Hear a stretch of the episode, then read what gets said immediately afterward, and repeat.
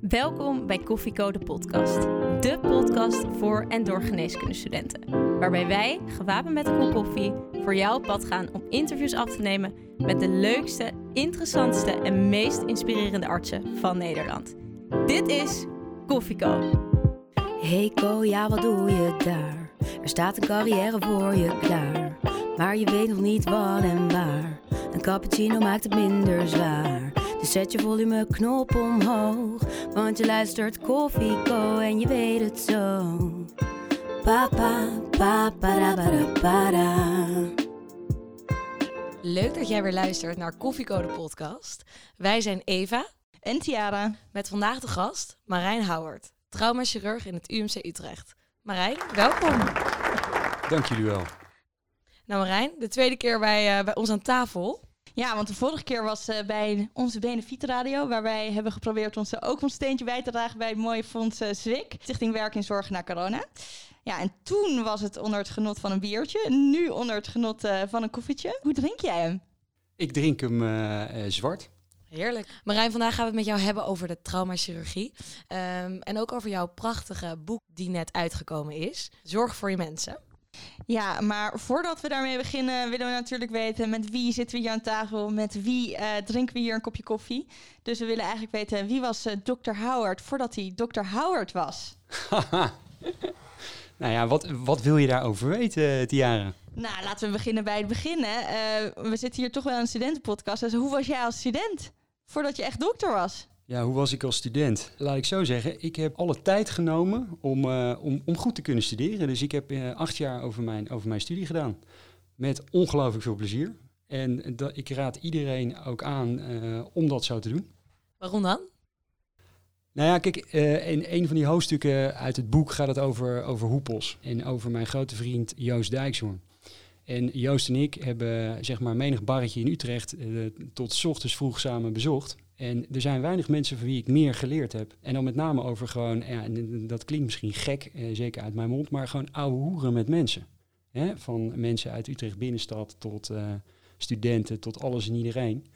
Maar ik denk dat je als dokter mensen leuk moet vinden en goed ook met mensen eh, moet kunnen praten. En ik denk, ja, in je studententijd, dan heb je de tijd om dat te doen. Ja, dan moet je het ook van nemen. Ja, dus eigenlijk was je meer bezig met mensen en het leven. En eh, wanneer kwam dan uiteindelijk die stap, hè? Want ja, we zitten hier nu met een succesvolle traumachirurg aan tafel. Ja, nou, dat, is inderdaad nogal een weg geweest. En wanneer kwam die stap? Nou, op de uur na zes jaar dat je bij jezelf denkt van... goh, er is misschien ook wel meer dan zeg maar eh, het studentenleven. Ja, toen ben ik in een onderzoek terechtgekomen. Vanaf toen ben ik eigenlijk best serieus bezig geweest met onderzoek doen. En dat heeft ertoe geleid dat ik, eh, nadat ik dus inderdaad na acht jaar was afgestudeerd, negen maanden later wel mijn proefschrift heb afgerond. En op die manier heeft, heeft het doen van onderzoek voor mij wel ja, de stap gemaakt naar iets serieuzer worden. Eh, ik had er ook buitengewoon veel lol in om dat te doen. Ik denk dat dat wel een, een cruciaal eh, moment is geweest. Het heeft een soort omslag bij me teweeggebracht. Maar nog even een stapje terug naar de fase waar wij nu zitten. Hoe was jij als co-assistent? Ja, hoe... ah, jongens.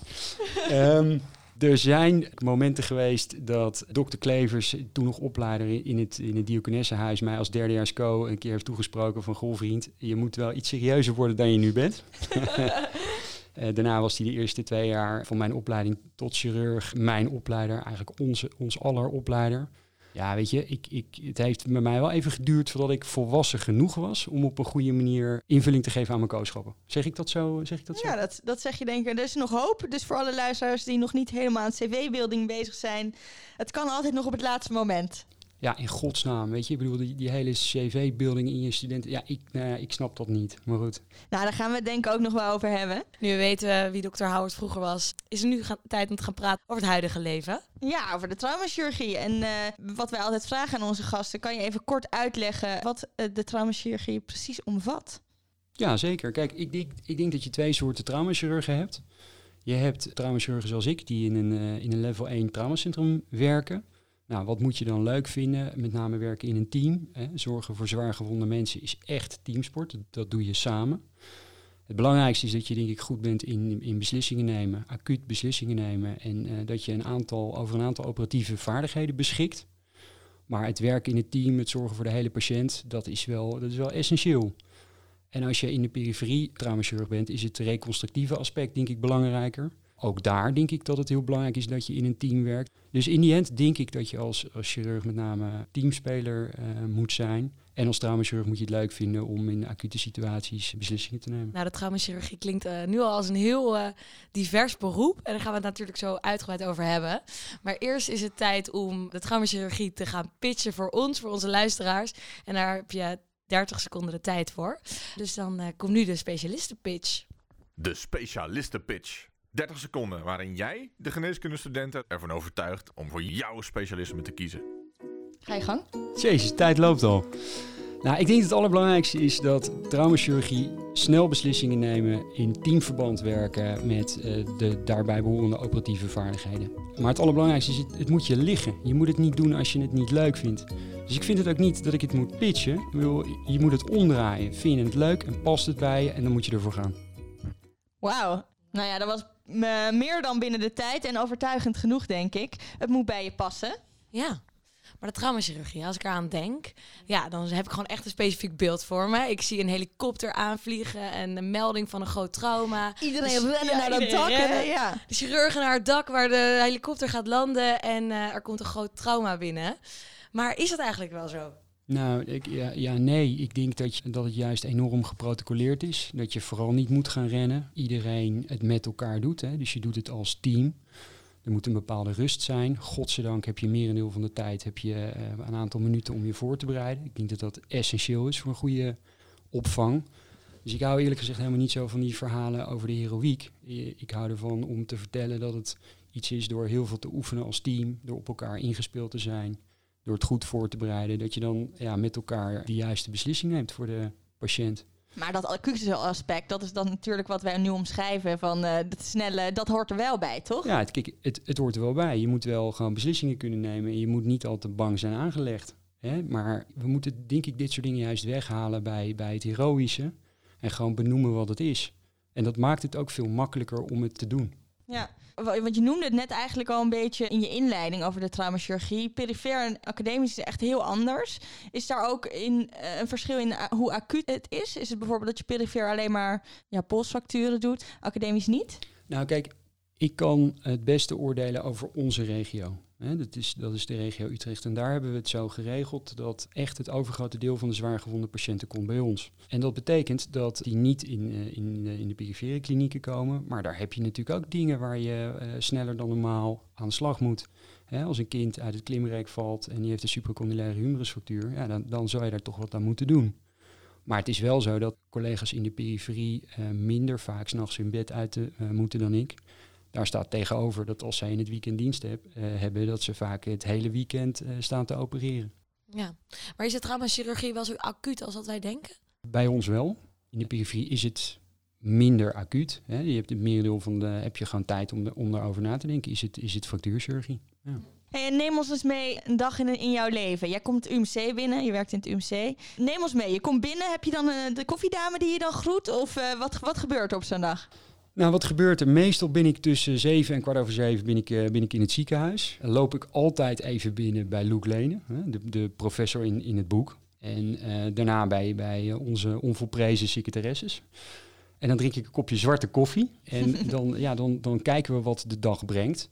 De maandag is over het algemeen wat meer voor, voor research en, en management dingen. Dinsdag opereren. Woensdag heb ik mijn niet-klinische dag. Donderdagochtend heb ik poli. Donderdagmiddag heb ik de opleiding. En vrijdag hebben we met elkaar altijd om zeven uur s ochtends uh, de, de, vergadering voor de week. En daarna hebben we een grote visite en de, in de indicatiebespreking. En uh, is er vaak nog wel het een en ander aan, aan spoed uh, te opereren. Maar je staat eigenlijk maar één dag in de week, dus echt op de OK? Ja. Is dat weinig als chirurg-specialisme? Ik denk dat het er steeds meer naartoe gaat dat ook de collega's in de periferie... Ik denk dat vier dagen in het ziekenhuis en één dag niet klinisch... dat dat een beetje de standaard werkweek aan het worden is. En ik denk dat inderdaad de gemiddelde chirurg één van die vier dagen op, op OK staat. Ja. Dat is eigenlijk best wel veel minder dan ik, dan ik had gedacht. Meer of minder? Minder? Ja. Oh. Nou ja, kijk, ik bedoel, opereren is hartstikke leuk en, en belangrijk. En we zijn ambachtslieden en, en daar doen we het voor. Maar het merendeel van de tijd doe je het niet. dus het is ongelooflijk belangrijk dat we ons niet alleen maar focussen op het opereren.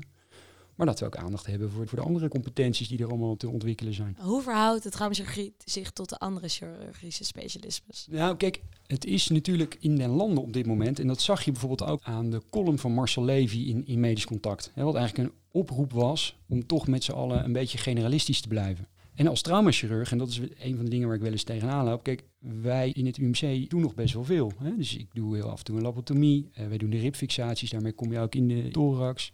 En we doen alle fractuurchirurgie. En als je niet oppast, krijg je discussies met de orthopeet over de schouder, met de plastisch chirurg over de vingers, met de GE-chirurg over je labotomie, met de thoraxchirurg over of je wel of niet een VATS moet doen. Terwijl ik denk van ja, jeetje jongens, de, de 80-20 regel die is goud waard. 80% van wat we doen is allemaal niet heel moeilijk. Je moet alleen weten wanneer je het niet kan. En dan moet je iemand erbij vragen die je daarbij helpt. Maar waar ik last van heb, is je, je moet elkaar een beetje vertrouwen. Wij gaan echt niet gekke dingen doen en dingen waarvan we denken dat we, dat we het niet kunnen. En het ergert me dat we, dat we toegaan naar superspecialisten. He, want ja, daarmee raak je denk ik ook het belang van de patiënt kwijt. Dus één, een zwaargewonde patiënt als die voor zijn pink naar de plastisch chirurg moet, voor zijn schouder naar de orthopeed, voor zijn longletsel naar de thoraxchirurg, dan wel de longarts. Jongens, het, het slaat ook allemaal helemaal nergens meer. Zijn we over een jaar nog bezig. Dan zijn we over een jaar nog bezig. En daar gaat het ook naartoe als je kijkt naar de, naar de extracurriculaire activiteiten. Ik bedoel, ik vind de opleiding leuk, maar ik vind onderzoek ook leuk. Daar heb ik lol in. Moet ik zelf weten dat ik er lol in heb, maar het is nou een keer zo. En nu heb ik bedacht, nu word ik opleider. En dan zijn er dus mensen die zeggen, ja, maar is dit dan wel goed voor je carrière? Want het gaat ten koste van je research en je moet je focussen op je, op, op je research. Ja, ik vind dat heel aanrelaxed. Maar waarom zeggen ze dat dan? Want opleiden is toch ook belangrijk? Nou zeker, maar mensen willen het liefst dat je op een heel klein postzegelgebiedje een superspecialist bent. Ja, volgens mij klopt het niet. Volgens mij moet je zorgen dat je van alles wat af weet. Waar komt dat vandaan, denk je? Omdat het is ook wel makkelijk om van één ding heel veel af te weten. Want eerlijk gezegd uh, is, het, is het natuurlijk best wel lastig om alles op een goede manier bij te houden. Er, er verschijnt, ik weet niet hoeveel nonsens op PubMed. Ja. Hè, als je dit allemaal bij moet houden, heb je al grijze haren voordat je überhaupt 60 bent. Ja. Hè, dat gaat ook voor alle technieken. Dus het gaat allemaal hartstikke snel. Maar je moet je afvragen of het in het belang is van de patiënt en of het in het belang is van de gezondheidszorg in zijn algemeenheid. Ja. Dat we allemaal verworden tot specialist van de linkerpink. of alleen maar bezig zijn met de opleiding. Het is juist leuk dat je opleiding leuk vindt, maar ook wat verstand hebt van research, eh, misschien management, daar wat ervaring in hebt. Maar vind je niet dat, ja, je noemt nu natuurlijk meerdere competenties, het onderzoek doen, het onderwijzen. Vind je niet dat niet iedereen is in de wieg gelegd om al die verschillende aspecten goed, daar goed in te zijn? Nou, hoeft ook helemaal niet van mij. Oké. Ja, absoluut niet. Alleen, ik vind de trend om de super, super specialist te belonen, ja, daar ben ik niet zo voor. Oké. En dan weer even terug naar het algemeen, hè, de traumachirurgie. Het imago van de traumachirurgie. Ik ben vrouw.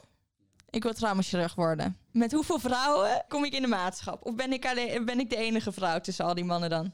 Nou, kijk, het is natuurlijk wel zo dat als je kijkt naar de traumachirurgie en de orthopedie, zijn dat misschien op dit moment nog de laatste mannenbolwerken. Aan de andere kant, als je kijkt in onze staf, Hè, daar, daar zitten drie vrouwen in. Nou, ik kan je vertellen dat die bepalen hoe de wereld in elkaar zit. Hè? Dus die bepalen mijn leven in het UMC. En als ik thuis kom, heb ik drie vrouwen die mijn leven thuis bepalen. Dus je hoeft mij uh, niks uit te leggen over emancipatie. dus ik zit er middenin. Ja. Oké, okay, dus dan maak je de keuze. Oké, genoeg vrouwen, ik ga het doen. Wat moet ik ervoor over hebben? Nou, ik denk, je wordt geen traumachirurg. Je wordt nog altijd algemeen chirurg. En het is ook nog steeds zo dat als je algemeen chirurg wil worden, ja, dat vraagt wat van je. Dus ja, het is hard werken, ja, het is af en toe uh, pijn lijden.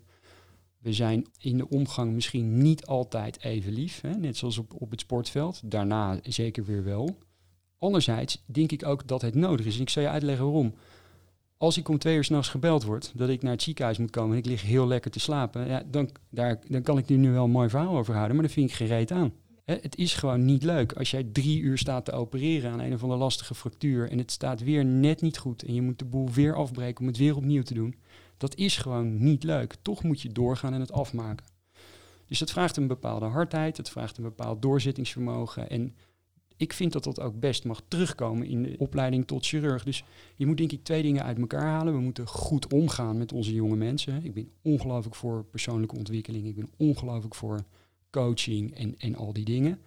ik wil er wel zeer voor waken dat we moeten geen knuffelopleiding worden, omdat je mensen dan niet voorbereidt op het werk wat ze moeten gaan doen. Nee, Nee. begrijp ik. Dat is best wel een vage lijn, want eh, ja, chirurgie staat erom bekend dat het toch wel meer leunt naar, naar het iets minder veilige werkomgeving, omdat het dus soms wel te hard kan zijn. Nou ja, kijk, ik heb altijd gevoetbald. Hè? En ik was eh, linksbuiten en af en toe een beetje lui. Nou, die jongen die linksback stond, die heeft me echt meerdere malen helemaal verrot gescholden. En na de wedstrijd was dat over. Hè? Ja, dat wisten we van elkaar. Ik praat het never nooit goed dat je Ajos uitscheldt. Kan niet. Het kan wel zo zijn dat je in de heat of the moment zegt, nu gaan we het even doen zoals ik het wil, punt. Ja. Hè? En dat hoort gewoon bij het vak en dat hoort ook bij de verantwoordelijkheid die we op dat moment hebben. En daarna kan je gewoon weer gezellig met elkaar Ja, een kopje koffie drinken en is Natuurlijk. het no hard feelings. Dat is wat je... dat is denk ik het klimaat wat we met elkaar voor ogen moeten hebben. En altijd op basis van persoonlijke gelijkwaardigheid. Alleen kan het niet zo zijn in de kliniek, kijk op de traumakamer of op de OK, ben ik uiteindelijk toch echt verantwoordelijk. Dus, ja, het- Vind je ja, dat het klimaat nu al goed genoeg is? Ik vind in onze, in onze regio, voor de heelkunde, vind ik het klimaat ongelooflijk goed. Dus ik denk dat er heel weinig AIOS zijn in onze regio die vinden dat we een onveilig opleidingsklimaat hebben. Dat meen ik echt. Dat klimaat, dat klinkt wel goed. Ehm, maar hoe kom je nou eigenlijk in opleiding dan eh, tot traumachirurg? Welk pad moet je bewandelen? Nou ja, kijk, dus, dus nog een keer, je, ehm, eh, je wordt eerst chirurg. Dus de eerste vier jaar is, dus, ehm, en daarna differentieer je je. Oké, dus je solliciteert voor de chirurgie. Je solliciteert voor de chirurgie. En, en traumachirurgie is daar een onderdeel van. Nou ja, kijk, op, op dit moment is het zo dat je. ehm, eh, is, is het zo dat we een, een enorm aanbod hebben. Hè? Dus dan, ja, als je niet oppast, ga je dan in- inderdaad vinkjes zetten. Dat betekent één is er ANIOS-ervaring, twee is de verplichte eh, promotie eh, doorlopen, drie heeft iemand Olympisch goud gehaald, vier heeft iemand 2500 Facebook-vrienden. Maar er is één hele belangrijke vraag.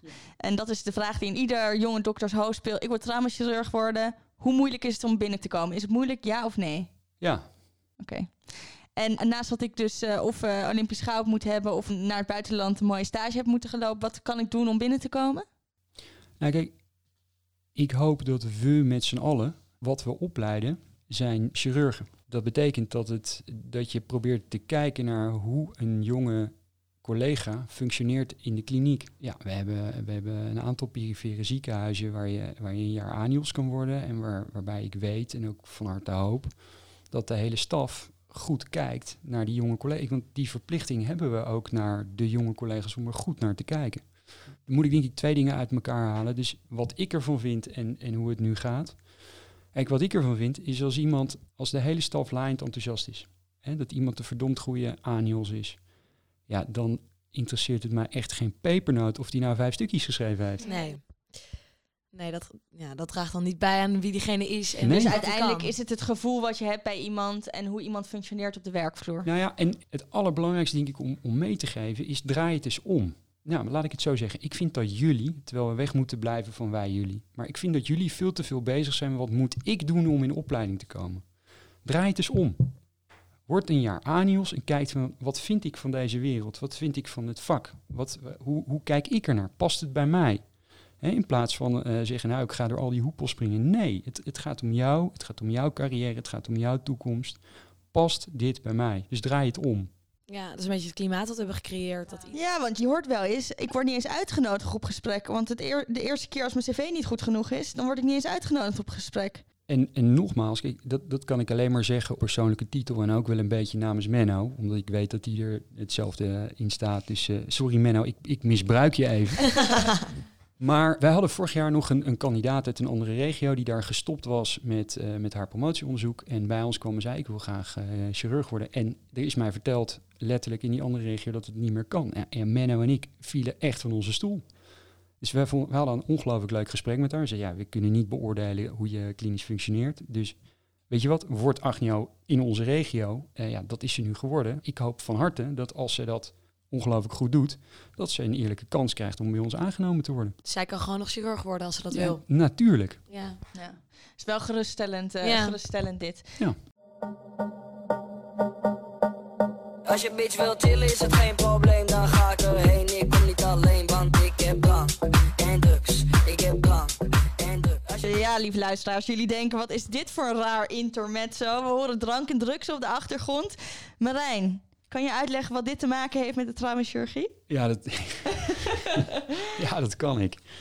Het is af en toe zo dat als je op vrijdag en zaterdag nachtdiensten hebt. En wij hebben die nachtdiensten in huis. Dus we staan ook altijd zelf op de traumakamer. Dat gewoon de een na de andere bezopen dan wel ja, onder de drugs binnenkomt. Hè? Variërend van eh, het first uit een lichtmast gedonderd. Tot van de trap in het hostel. Tot überhaupt zeg maar de behoefte als je iets gedronken hebt om dan te gaan klimmen. Dat vind ik fenomenaal om dat eh, te ervaren in de dienst. Ge- Gewoon continu. Het lijkt wel dat als je gewoon tien bier achter je kiezen hebt, dat je hier moet gaan klimmen in, Utrecht. Dat is de gekste situatie die je hebt meegemaakt onder invloed, zeg maar. Qua Nou ja, patiënt. mensen die, die zo uit, uit hun dak gaan, letterlijk dat ze het daarna nodig vinden om op een, op een festival een lichtmast eh, te klimmen. En dan, vanuit, dan denken dat ze kunnen vliegen, het first naar beneden donderen. En dan ja, een, een, een, eh, een hemicraniectomie ondergaan, omdat ze een epiduraal hebben. Dat is een onderdeel van de patiënt die bij je binnenkomt. Maar ik ben ook wel gewoon benieuwd naar eh, überhaupt jouw patiëntenpopulatie. Hoe Ja. ziet dat eruit bij de traumachirurgie? Ik ben nauw verbonden met de psychiatrie, zeg ik altijd. En ik denk dat 25 tot 50 procent van de patiënten op onze afdeling psychiatrische comorbiditeit heeft. Er zit een psychiater bij onze grote visite. Als je kijkt naar de, de poli van Loeglene op woensdagochtend, eh, de gemiddelde psychiater smult daarvan wat daar allemaal aan problematiek voorbij komt. Ja, en, en dat ergens vind ik dat ook best wel heftig, omdat dit soort mensen gewoon een verhoogd risico lopen en een verhoogde kans hebben op een ongeval. Heb je in je carrière een, concreet voorbeeld van een patiënt die jou heel erg is bijgebleven? Ja, zeker. Dat, eh, dat is het, het verhaal dat ik heb geschreven over Angelica. En Angelica had de roodgelakte nagels. Ik was vijfdejaars eh AIOS en ik deed ehm, voor het eerst ja, eigenlijk gewoon zelfstandig dienst, eh, een soort van voorwacht als traumachirurg. En het trauma zijn ging, eh, toen werd er al verteld dat er een jonge dame vanaf haar balkon naar beneden was gesprongen met haar drie maanden oude baby. Nou, En zij kwam binnen bij ons. En ik weet nog dat ik dacht van, wat gek. Want ze had enorm verzorgde handen met echt dure ringen en prachtige roodgelakte nagels. Nou, we keken erna en zagen in ieder geval dat het eh, uiteindelijk een tweetal enkel luxatiefracturen. Dus we gingen naar elkaar, hebben er twee fixateurs op gezet. En toen werd ik daarna gebeld door een kinderarts-intensivist uit een ander academisch centrum. En zei, "Joh, mag ik met je overleggen? Ik zei, natuurlijk. En je hebt eh, net als het goed is mevrouw die en die geopereerd. Ehm, is zij uh, wilsbekwaam? Is zij wilsbekwaam? Ze nou ja, haar baby is eh, hersendood en eh, we willen kijken of het kind in aanmerking komt voor een donatie. Nou, ik, echt, wat, de fuck gebeurt me nu? Ik zei, ja, Wils bekwaam. Ze is, ze is met haar drie maanden oude baby naar beneden gesprongen. Eh, ik zei volgens mij zoiets als letterlijk, wat, ja, wat denk je zelf? Nou, toen heb ik een psychiater gebeld. die is in huis gekomen. En toen hebben we uiteindelijk telefonisch overlegd met haar partner. En dat is een, een, een man van buitenlandse komaf. Een succesvolle aannemer die toen het hele verhaal vertelde. En het gaat nog steeds dwars door me heen. Dat, dan, dan zie je weer hoe erg je achter staat als je niet Nederlands bent en je hebt hulp nodig. Dat is gewoon niet goed gegaan. Hij is bij meerdere instanties tegen een muur aangelopen. Hij heeft uiteindelijk de moeder van zijn vrouw en haar zus ingevlogen om voor haar te zorgen. Ze was even uit het zicht met, met deze gevolgen. En ja, ik weet nog dat ik daar zat en dacht van wat gebeurt me? En op dat moment was, was mijn vrouw hoogzwanger van, van ons eerste kind. Dat is onwijs heftig eh, om dat mee te maken. Ik weet nog dat ik de volgende ochtend thuis kwam. Ik ben redelijk goed in, in, in dingen van me afzetten. Die kon ik niet van me afzetten. Ik was daar echt best wel ja, door geraakt. Mijn achterwacht, overigens een vrouwelijke traumachirurg, met mij. En we hebben het daar samen echt wel, ja, echt wel veel over gehad. En ook de, de psychiaters deden het veel. Dus het was ongelooflijk om, want ik was toen 15 jaar, dus ik ben fellow geworden en daarna was ik eh, een aantal jaar staflid, dat de psychiater die altijd bij onze grote visite zat en helemaal niet wist dat ik destijds die opvang in die eerste operatie had gedaan, die, die, die zei, "We moet je eens kijken. En dat je toen die vrouw, ik zag die vrouw weer met, met, een nieuw, ja, met, met weer een baby. Hè? En dan een post, postpartum eh, psychose is een psychiatrisch ziektebeeld wat heel goed te behandelen is als je, ja, als je het behandelt en als je weet dat het kan gebeuren. Ja, dat is bizar. Heeft dit, eh, ja, deze casus zeggen we dan altijd een beetje zo onpersoonlijk, maar deze patiënt, heeft die eh, op een of andere manier er ook een bepaalde invloed uitgeoefend op hoe je toen verder ging als arts zijnde? Nou, het heeft me nog extra bewust gemaakt van het feit dat je iemand nooit mag afrekenen. En dat, dat is natuurlijk een enorm stigma op, eh, op een psychiatrische voorgeschiedenis dan wel comorbiditeit. Want een, een, een heel aantal aandoeningen zijn ontzettend goed te behandelen.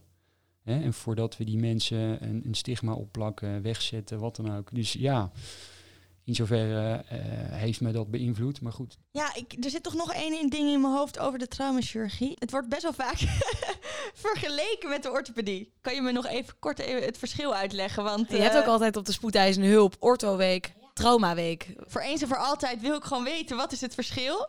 En nou, orthopeden open, opereren alleen met mooi weer. En, nee, kijk, de manier waarop wij samenwerken, onze verhouding met de orthopeden. We hebben een fantastische groep orthopeden waar we op een ontzettend goede manier eh, mee samenwerken. Waar we, waar we heel erg gelukkig mee zijn. Dus ook daarvoor geldt. Ik denk dat je moet zoeken naar de dingen in elkaar, waarin je elkaar versterkt. Dus dat, dat is, en- dat is bij, ons aan alle kanten zo. Ik, heb een, ik doe één keer per maand enkel voetpolie eh, samen met een orthopedische met Joris Sturkenboom. Met ongelooflijk veel plezier, waarbij ik enorm veel leer van, van zijn expertise. En hij het leuk vindt om te zien eh, de, de hoeveelheid letsels die wij behandelen. Dus ja, weet je, ook daarvoor geldt, het maakt geen bal uit wat, voor, wat, voor kleur, wat de kleur van je shirt is, ook ben je paars. Ja, als je maar snapt wat je doet en, en leer van elkaar. Doe het samen. Dus eigenlijk vullen jullie elkaar aan, maar beide behandelen jullie veel fracturen. Als ik het even goed eh, begrijp. Herhaal je vraag nog een keer. Wat is het verschil? Nou, kijk, het, je, je hebt, we hebben natuurlijk een deel overlap hè, in, de, in, de, in de acute pathologie. En je hebt een deel met name de, de meer electieve dingen, eh, wat wat meer orthopedie is. Hè, dus echt, echt de prothesiologie. Oké. Ja. Nee, dat is duidelijk. De Ja. co-telefoon. Ja, we gaan door naar de co-telefoon. Ja, de co-telefoon gaat. Eh, die kennen we allemaal. Die komt altijd op een, onverwachte, op een onverwachts moment. En deze week is die van eh, Doris van der Heijden. Nou, die kennen we maar al te goed. Die kon er vandaag helaas niet bij zijn, maar die had nog wel een sprangende vraag eh, voor jou. En de vraag eh, die luidt als volgt. Wat is zelf jouw grootste trauma geweest dat je hebt meegemaakt tijdens jouw carrière op de werkvloer? Nou, ik denk wel dat het heftigste wat ik heb meegemaakt was denk ik de, de tramshooting in Utrecht. Ja, de, de hoeveelheid zwaar gewonde patiënten in ongelooflijk korte tijd. Samen met, met eh, collega Mirjam de Jong waren we als eerste in, in het calamiteitenhospitaal. En eh, ja, de eerste patiënt binnen, die werd al 45 minuten gereanimeerd. En dan zeggen we, ja, wat gaan we doen? Ja jongens, dit, dit werkt niet. Nou, pats, boem, er kwam de volgende binnen. Die was van voren neergeschoten, thoraxdrain erin. Terwijl die binnenkwam, kwam de volgende binnen. Dat de collega letterlijk in zijn, in zijn spijkerbroek daar twee thoraxdrains in stopte en hoppatee naar de OK ging. En daarna kwam weer de volgende die, die 40 minuten gereanimeerd was, waarbij eh, ja, eh, we zeiden de behandeling heeft geen zin. Waarbij je dus gewoon in een kwartier twee keer zegt, oké, die patiënt is dood. Eh, dus nogmaals, ik ben denk ik echt met een gouden lepel in mijn bek geboren. En dit, ja, dit, dit was voor mij wel het meest heftige als dokter wat ik, wat ik heb meegemaakt. Ja. Je belandde die dag eigenlijk hele Een nachtmerrie. ja, surrealistische situatie. Nou, heel, heel dubbel. Het, het leek inderdaad wel oorlog. Dus dat is super heftig. Anderzijds is het waanzinnig om de kracht mee te maken van, van zorgverleners. Hè? Dat iedereen het idee heeft, oké, wat er ook gebeurt, dit gaan we fixen. En echt uit het hele land. Hè? De, de Michiel Verhofstadt uit Rotterdam, die, die ik echt binnen een kwartier aan de lijn had. van, Oké, Marijn, hoe kan ik je helpen? Collega's uit het Alrijne ziekenhuis, die andere collega's hebben gebeld. Collega's uit het Elisabeth ziekenhuis in Tilburg. Van jongens, hoe kunnen we die bijstaan? Marieke Kokken uit Antonisch die op de fiets springt en bij ons naar het ziekenhuis en zegt, oké, kom jullie helpen.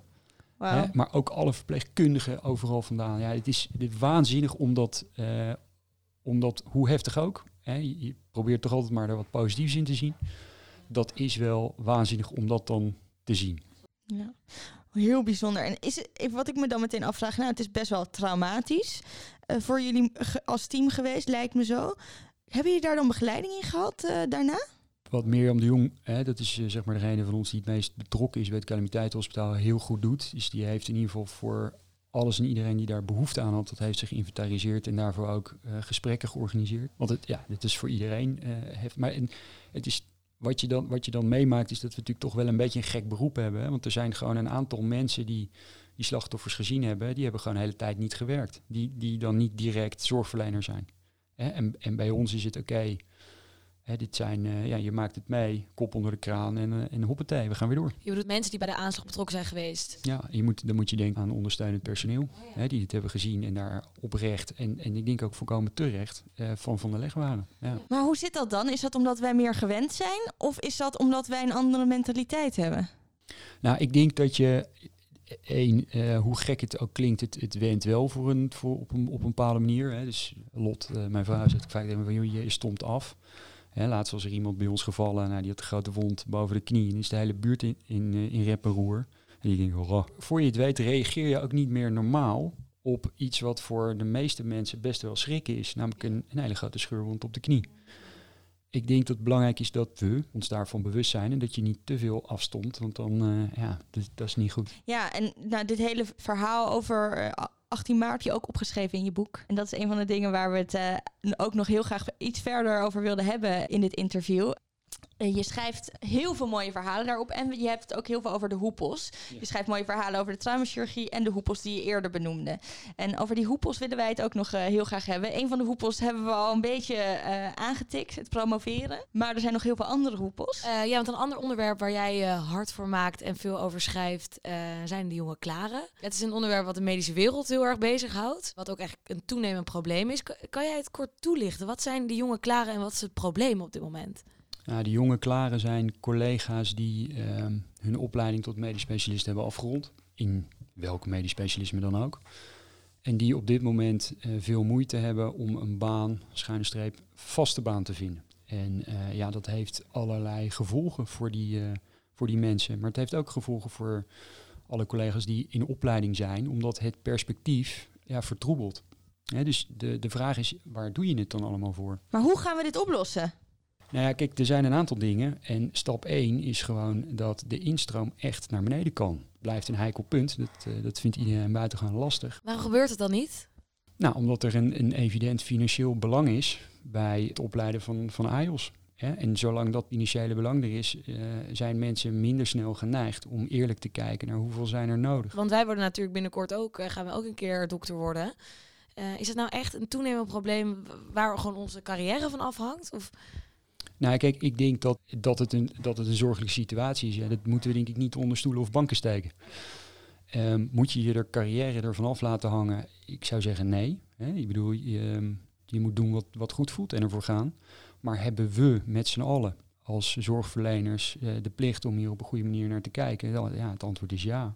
En een van de dingen is dat, dat de instroom voor die specialismen omlaag moet. Anderzijds is het zo dat er natuurlijk heel veel ruimte zit in de ouderenzorg, in de, in sociale zorg. En ik denk dat we moeten dus ook ophouden met, met dingen sexy en, en hyperig maken. Ik bedoel, je kan onwijs goede zorg verlenen in, in het verpleeghuis. Hè, ik bedoel, eh, dus, dus ik denk ook dat je, dat je veel breder moet kijken dan alleen eh, die geëikte eh, specialismen. En hoe denk je, is er iets wat wij als jonge dokters kunnen doen om hier zeg maar tegenin te gaan? Hoe kunnen we dit veranderen? Nou ja, kijk, wat ik ook gezegd heb tegen een aantal eh, jonge klaren die me dat vragen, is je moet zorgen dat je je verenigt. Je moet zorgen dat de stem die je hebt, eh, dat die gehoord wordt. En, en het tweede is dat we denk ik ook moeten nadenken over wat voor cultuur hebben we gecreëerd met elkaar. Hè? En ehm, ik denk, dat is ook een van de dingen waar ik heilig in geloof, ik denk dat je ook in drie dagen per week chirurg kan zijn. Dat kan echt. En nogmaals, mijn, mijn oude opleider eh, die kreeg de hartverzakking, maar het, het- en, en de echt oude generatie ook, maar het kan gewoon. En dat betekent dus ook dat je op die manier, stel dat er één plek komt, vrijkomt, hè, dat, je, eh, dat je dat wellicht met z'n tweeën kan invullen en dat je die andere tijd gebruikt om, weet ik veel, eh, consultant te zijn bij de farmaceutische industrie, om dingen te doen bij VWS, bij de inspectie. Ga zo maar door. Hè? Of zoals jullie een prachtige podcast maken. Ja, wederom je nog breder onderleggen en eh, verder kijken dan alleen. eh, dat kan dus wat, wat jou betreft. Zeker. Ik, ik denk dat we, de- dat, dat we die mogelijkheid met elkaar serieus moeten nemen. Hè? En eh, natuurlijk is het zo, de, de, de tegenstanders ervan zeggen altijd van ja, maar jongens, dat gaat ten koste van de continuïteit van de kliniek. Hè? En, en daar kom ik weer terug op van ja, als het goed is ben je een team. En bekijk je waar de kracht en de zwakte ligt van een ieder. Ja, dat is eigenlijk, je zegt ik, ik maak me er hard voor. Op een manier ben je dan ook een soort van rolmodel. En dan komen we meteen bij een van de volgende onderwerpen uit jouw boek, eh, rolmodellen namelijk. Wij zijn wel heel erg benieuwd. Jij probeert nu ja, een rolmodel te zijn voor anderen, maar wie was jouw rolmodel? Nou ja, kijk, ehm, zoals Menno Vriends altijd zo mooi zegt, je bent een mozaïek van je opleiders. En ik denk dat het, dat het ook zo is. En het boek gaat over de, over de traumachirurgie. Nou ja, eh, dus ik, ik heb het boek afgesloten met vier traumachirurgen, van wie ik allemaal op een andere manier ontzettend veel geleerd heb. Voordat we naar het doktersdilemma gaan met één, eh, één diepe vraag. Nog één van de vele. Ik ben wel benieuwd, eh, in de afgelopen jaren, waar heb jij zelf persoonlijk de allergrootste groei in doorgemaakt? Jeetje. Ik denk dat Zwik wel een enorme groei is geweest. In het samenwerken, in het besturen, in bedenken waar het heen moet, in het versterken van, van het teamgevoel, in het overleggen met een ieder. En eh, ja, dat is uh, ongelooflijk leuk en waardevol om te mogen doen. En ja, om, om daar een bepaalde, op een bepaalde manier ervaring met besturen mee op te doen. Ja, want kan je nog kort even toelichten, wat is nou Zwik? Voor, voor de luisteraars die uh, onder een steen heeft geleefd. Ja. Zwik is Stichting Zorg naar Werk in Coronazorg. En um, wat wij beogen is om zorgmedewerkers inmiddels die op de intensive care zijn, uh, terecht zijn gekomen of uh, nabestaanden van zorgverleners die zijn komen te overlijden, financieel te compenseren. En hoeveel mensen hebben jullie al kunnen ondersteunen of compenseren? Op dit moment, we hebben gisteren weer bestuursvergadering gehad en we zitten nu op 57 uh, mensen aan wie we hebben wow. kunnen uitkeren. Ja. Geweldig. Wow, hele mooie prestatie, ja. Oké, okay, we gaan door. Uh, het doktersdilemma. Zet hem maar in. Het doktersdilemma. Het leven bestaat soms uit lastige keuzes. Denk niet te lang na en geef snel antwoord. Marijn, traumachirurg of schrijver? Traumachirurg. Volkswagen Kever of een Porsche Cayenne? Porsche Cayenne. Mee op militaire missie of expeditie op de Noordpool? Jezus Christus. um, Noordpool. Zingen of dansen? Dansen. Living on the edge of altijd op veilig? Combi. Kort maar krachtig of een stappig verhaal? Kort maar krachtig. Een complexe fractuur of een open buik? Complexe fractuur. Boerenkool met worst of nasi goreng met lumpia's? Boerenkool. Altijd in discussie of conflictvermijdend? Uh, combi. Ja, combi, dat accepteren we natuurlijk Jezus. niet. Hè? Er moeten keuzes gemaakt worden. Altijd in discussie is dus waarschijnlijk het antwoord. ja, nou, dat hangt er vanaf met wie. Ik bedoel, dat hoef ik thuis niet te proberen, kan ik je zeggen. En, um, en, en op werk? Hoe is dat dan op werk? Uh, op werk is het, uh, ja, de, is het ook afhankelijk van uh, met wie. Maar we, ja, we, we proberen, we, we schuwen de discussie niet. Hmm. Werkinhoudelijk. Nee, helemaal goed. Marijn, we zitten hier om uh, één uur s middags. We hebben net een kopje koffie van ons gekregen. Want je was vrij duidelijk tegen ons. Uh, S'avonds werk je niet. Vertel eens, hoe gaat dat? Je hebt dus kinderen en een vrouw. Uh, hoe werkt dat als trouwens? Nou ja, ik, ik, heb een, ik heb een werkende vrouw die op zijn minst twee keer zo slim is als ik. en we hebben samen twee kleine kinderen. Dus dat betekent dat we, dat we dat proberen samen te doen. En met name die uren, weet je, als je de hele dag gewerkt hebt. En die twee kleine meisjes die zijn naar school geweest of bij de oppas. En die willen jou gewoon zien. Hè, weet je, en terecht. En als ik, als ik dat niet had gewild, had ik niet aan kinderen moeten beginnen. Dus tussen zes en negen s'avonds, want het is nogal een heksentour om die twee apen in bed te krijgen, uh, ben ik daar gewoon mee bezig. En ik wil daar ook mee bezig zijn. Er kan echt geen research meeting en al die andere, voor je het weet, maak je jezelf allemaal zo belangrijk. Hè, met, met allerlei, al die meetings die we onszelf opleggen. Je wordt er niet goed van. Nee, je moet er nou, ik vind het ook gewoon leuk om er, om er voor die meisjes te zijn. Ik vind het leuk om te horen wat mijn vrouw die dag heeft meegemaakt. Ja. En dat is, uh, dat is verder vrij helder. Hebben jouw dochters dan door wat uh, dat jij, of dat allebei de ouders eigenlijk dokter zijn? Wat zij doen?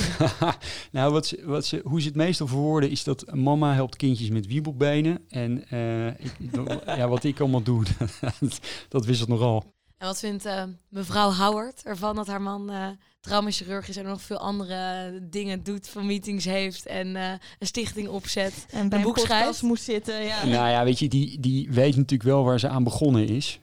en zoals ze ooit zei toen ik haar ten huwelijk vroeg, als je maar niet denkt dat ik Howard ga heten en voor je kinderen ga zorgen. Dus ik weet ook waar ik aan begonnen ben. En wat, waar ik ongelooflijk om moet lachen en wat ook wel gewoon klopt, is dat zij zegt wel eens, nu zit je in je chirurgenmodus en daar wordt ze heel narrig van. He, dus je zet thuis gewoon die chirurgenmodus uit. En uh, ja, er is een knopje op je iPhone en dat heet vliegtuigmodus. Dan word je namelijk niet meer continu gebeld, geappt of weet ik wat voor flauwekul nog meer. En dat helpt wel. Ja. Maar wij eindigen ook altijd met een, uh, een tip voor onze jonge dokters, voor onze jonge luisteraars. Uh, wat zou je hem mee willen geven? Nou, ik denk dat het, dat het twee dingen zijn. Is één, als iedereen in zijn blote kont in de sloot springt, dan moet je nog steeds altijd voor jezelf afvragen of jij dat ook gaat doen. Dat is één. En het tweede is, um, en dat is, ik ben eerlijk gezegd een beetje gebiased, omdat ik lezen ongelooflijk leuk vind, maar er is ontzettend veel te lezen. Hè? Het feit dat een Atul Gawande, wat een waanzinnig chirurg is, gewoon opschrijft wat hij vindt en waar hij over denkt. Doe daar je voordeel mee. Koop die boeken, je. Hetzelfde geldt voor eh, Irving Jaloom, hè, de, de, de psychiater. En dan is het echt niet zo dat ik alleen maar dat soort boeken lees. Ik lees wel veel. En eh, eh, ja, ik heb daar een hoop lol in. En het geeft je de mogelijkheid om, om het brein van dat soort mensen te, te doorgronden. Dus eh, dat zijn denk ik mijn twee tips. Heel mooi. Ik wil eigenlijk nog even afsluiten met vragen van Marij- Marijn. Het is een bijzondere tijd, want je boek is uitgekomen. Wil je nog kort even aan onze luisteraar vertellen, wat is, wat is dit voor boek en waarom heb je hem geschreven? Ja, waarom heb je het geschreven? Dat- is een goede vraag. Want eh, sommige dingen gebeuren gewoon. Dat je op den duur ehm, continu in het ziekenhuis bezig bent met, met beschrijven wat je aan het doen bent. Hè? En dat je toch nog best wel generalistisch bent in de tijd van de huidige superspecialisatie. En eigenlijk was het mijn frustratie erover die ik beschreef. En zoals ik met heel veel dingen doe, dat naar mijn maatje Falco Hietbrink stuurde. En die had ik binnen 10 minuten aan de lijn. Ik zei, jezus, wat een gaaf stuk. Kan je dat niet naar medisch contact sturen? Zo is het eh, begonnen. En zo gaat het, zo gaat het schrijven eerlijk gezegd bij mij ook. Ik bedoel, ik verbaas me over een aantal dingen. En ik heb gemerkt dat het hartstikke leuk is om dat dan, eh, om dat dan op te schrijven. En eh, ja, weet je, zo, zo is dat gegaan. Ja. Het is ook niet moeilijker dan dat. Ja. Het, is ook, het is ook zeker niet moeilijk te lezen, want je vliegt er doorheen het boek. Het is, eh, Ja, ontzettend leuk boek. En lieve luisteraars, voor jullie ook. Wij mogen ook dit, een van deze boeken weggeven. Dus ehm, hou onze social media in de gaten. Want binnenkort eh, kan jij dus kans maken op eh, dit mooie boek. En eh, geloof me, er staan heel wat mooie verhalen in. Ja, nou, dan eh, denk ik dat we het hierbij af gaan sluiten. Marijn, dank je dat je tijd vrij wilde maken op deze vrijdagmiddag om langs te komen hier in Utrecht voor een kopje koffie en een ontzettend leuk gesprek. Ja, jullie dank voor de ongelooflijk gastvrije ontvangst in jullie penthouse. Of mag ik dat niet zeggen? Dat mag je zeker zeggen. Ja, ja, ja. En beste luisteraars, bedankt eh, voor het luisteren. Eh, mis ook de volgende podcast eh, aflevering niet. En eh, nou, iedere week hebben we weer iets nieuws voor jullie in petto. Volg ons op social media, dus op Instagram, Facebook, LinkedIn. En blijf op de hoogte van onze aankomende interviews. En eh, tot de volgende keer. Pa pa pa para para para.